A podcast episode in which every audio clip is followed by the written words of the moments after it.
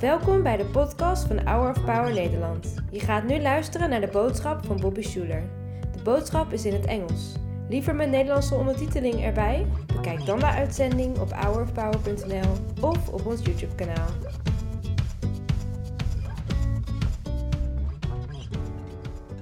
But we're so glad you're with us. And we want you to know that this is the kind of place where, as students of Jesus, we want you to grow and thrive in your walk with Him. To not think that you have to be perfect first, but to know that He loves you just as you are.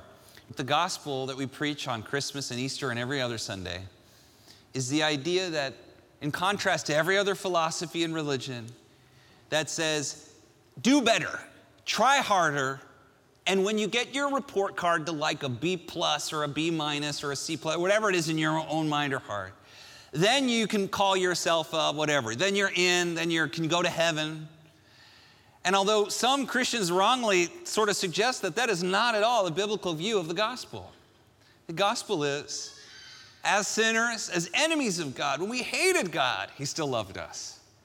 And all of salvation is simply receiving a free gift, an invitation to come home and to be with the Lord. This building that we're in actually is called a sanctuary, huh? It's called a sanctuary. It's perfect, a perfect reference on like a night like tonight when it's raining. You recognize what a sanctuary really is, whatever it is, a shelter, you know? That's a Christmas miracle, by the way. Many of you who are watching on television and online are like, what's he talking about? I'll tell you. We do not get a lot of rain in California. And I think this is the first time it has rained on a, on a Christmas service since, since I've ever been here. And it was really coming down. It rains so little outside that when children who grew up in California, when it starts to rain, they're like, what is this moisture from the, what's this word again, Dad? What's it called? Kids from Irvine are like, I thought water just came from Evian bottles. you know? What is it? It comes from the sky. And it actually reminds me of a, a Christmas Eve my first time I'd ever been to Israel, I was just a punk back then. I was 18 years old. And I went with my grandpa, who was a minister. He brought 500 people to Israel. And Israel is like Southern California. You know, it almost never rains, hardly ever. But because it's such a religious country, they really and always have viewed rain as God's blessing. God's blessing, a symbol. Like they know, they know it's just rain, but they, it's also like a, like a symbol that like something special is happening right now that God has a blessing for you. And actually, spiritually, think about opening your heart and mind to the goodness, love, life, and power of God in you. He wants to bless you and pour out His goodness in your life. That's the heart of Jesus. Loving people, having mercy with people, having meals with people He's not supposed to associate with, right? Just loving people right where they're at. So God loves you just as you are, not as you should be. Stop trying to get it all right. Stop trying harder and just yield your life to His love and kindness. He's so for you. He loves you because He's your father, He's your dad. Well, you deserve a chance. You deserve a second chance. I believe that for you. And God has that for you too. Many of us in this room are relatively good people. When we get to know our neighbors, we want them to have a second chance. You know, if they've messed up or lost everything or really just whatever, they messed up their lives. And most of us, in an abstract way, root for our neighbor to have a second chance. But very often, we don't want to give ourselves a second chance. Maybe you're that type of person. You look in the mirror and you say, There's no, there's no second chance for me. Bobby, you don't know what I've done or what I've been through. In this room are so many people who've done a lot of good but all of us have also made some big mistakes in our lives. Things we regret, unfinished symphonies, sad stories, lost relationships, bad decisions. You know what? God's not done with you yet, my friend. He has a second chance for you. And that's what the gospel's about.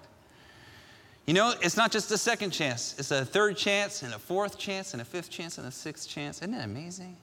70 times 7 says the Bible. That's how many chances you get and multiply that times another 70, and then put in a little infinity next to it. That's how much God is for you and not against you.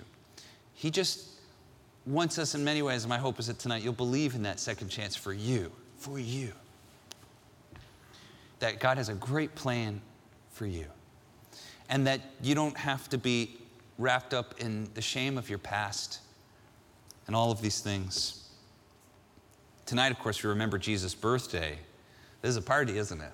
That's what a Christmas service is. It's a party, huh? We're celebrating the most joyful person ever, Jesus Christ.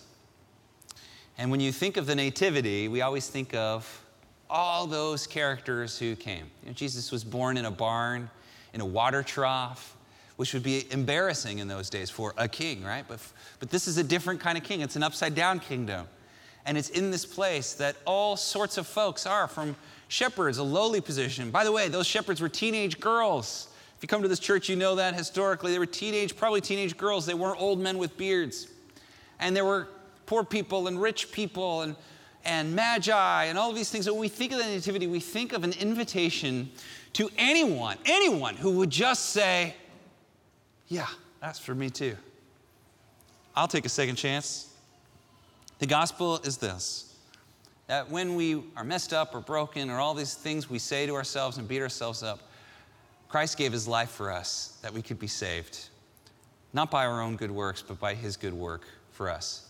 And we just believe that, right? We believe that God loves us, that wants the best for us. And so our moral and everything else, our, our lives just become a natural response to believing that this is true. There are three things that you are not, and we say it every Sunday. You're not what you do. I remember when I was a kid, I wanted a BMX GTE Elite bike for Christmas, and I got it finally. And it was, I was thrilled for about three weeks, and then I was kind of over it. You know, it's amazing how what we have, you know, becomes so much of our identity your car, your house, your clothes, your, state, your status in life. Or what we do. You've probably been to a work Christmas party and you met a stranger, and what's the most common question somebody asks you if you've never met them before? What do you do? you know? And what do you say? It's a way we identify people, and we begin to internalize that, that what I do for a living, what I do morally, what I, that that's who I am. Or what people say about us. Man, if somebody says a hundred nice things to me and one person says a bad thing, who's, what's the one thing I remember? Well, if you're anything like me, if you're a human being, it's that one negative thing. You can't it just gets in there. So often, we are so bound by the opinions of others. So often, we're bound by our need for another thing or our need to be to have a better job or to have some credit and my friend all of those things are fine and good but can i just give you some freedom can i give you some freedom right now that's not what life is about life is about understanding in this moment that even if nobody loves you even if nobody cares about you or notices you, you are the apple of God's eye. I think about my own children and how much I love them and how broken and messed up I am. God and His, the Bible says God is love, and He has that for you. Begin to believe for just a moment that you are an absolute treasure.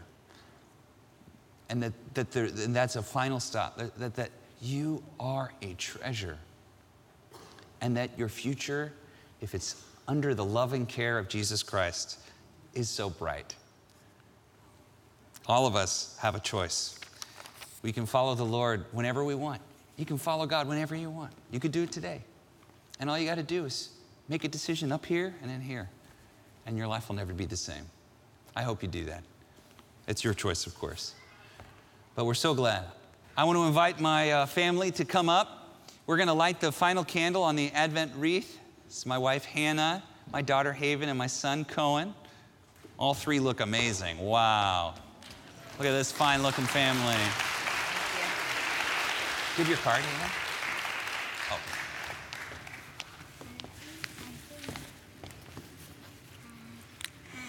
The four candles we have lit signify hope, peace, joy, and love. Four promises God continually offers to us, and all of them are made manifest in this one we light tonight the Christ candle. In Christ, we find the hope of transformation. We find light and dignity and the courage to be like Him, answering His call and following His footsteps. Merry Christmas, everyone. Merry Christmas. Merry Christmas. Bedankt voor het luisteren naar de podcast van deze week. We hopen dat deze boodschap jou heeft bemoedigd. Wil je meer weten over Hour of Power of dagelijkse bemoedigingen ontvangen? Ga dan naar www.hourofpower.nl.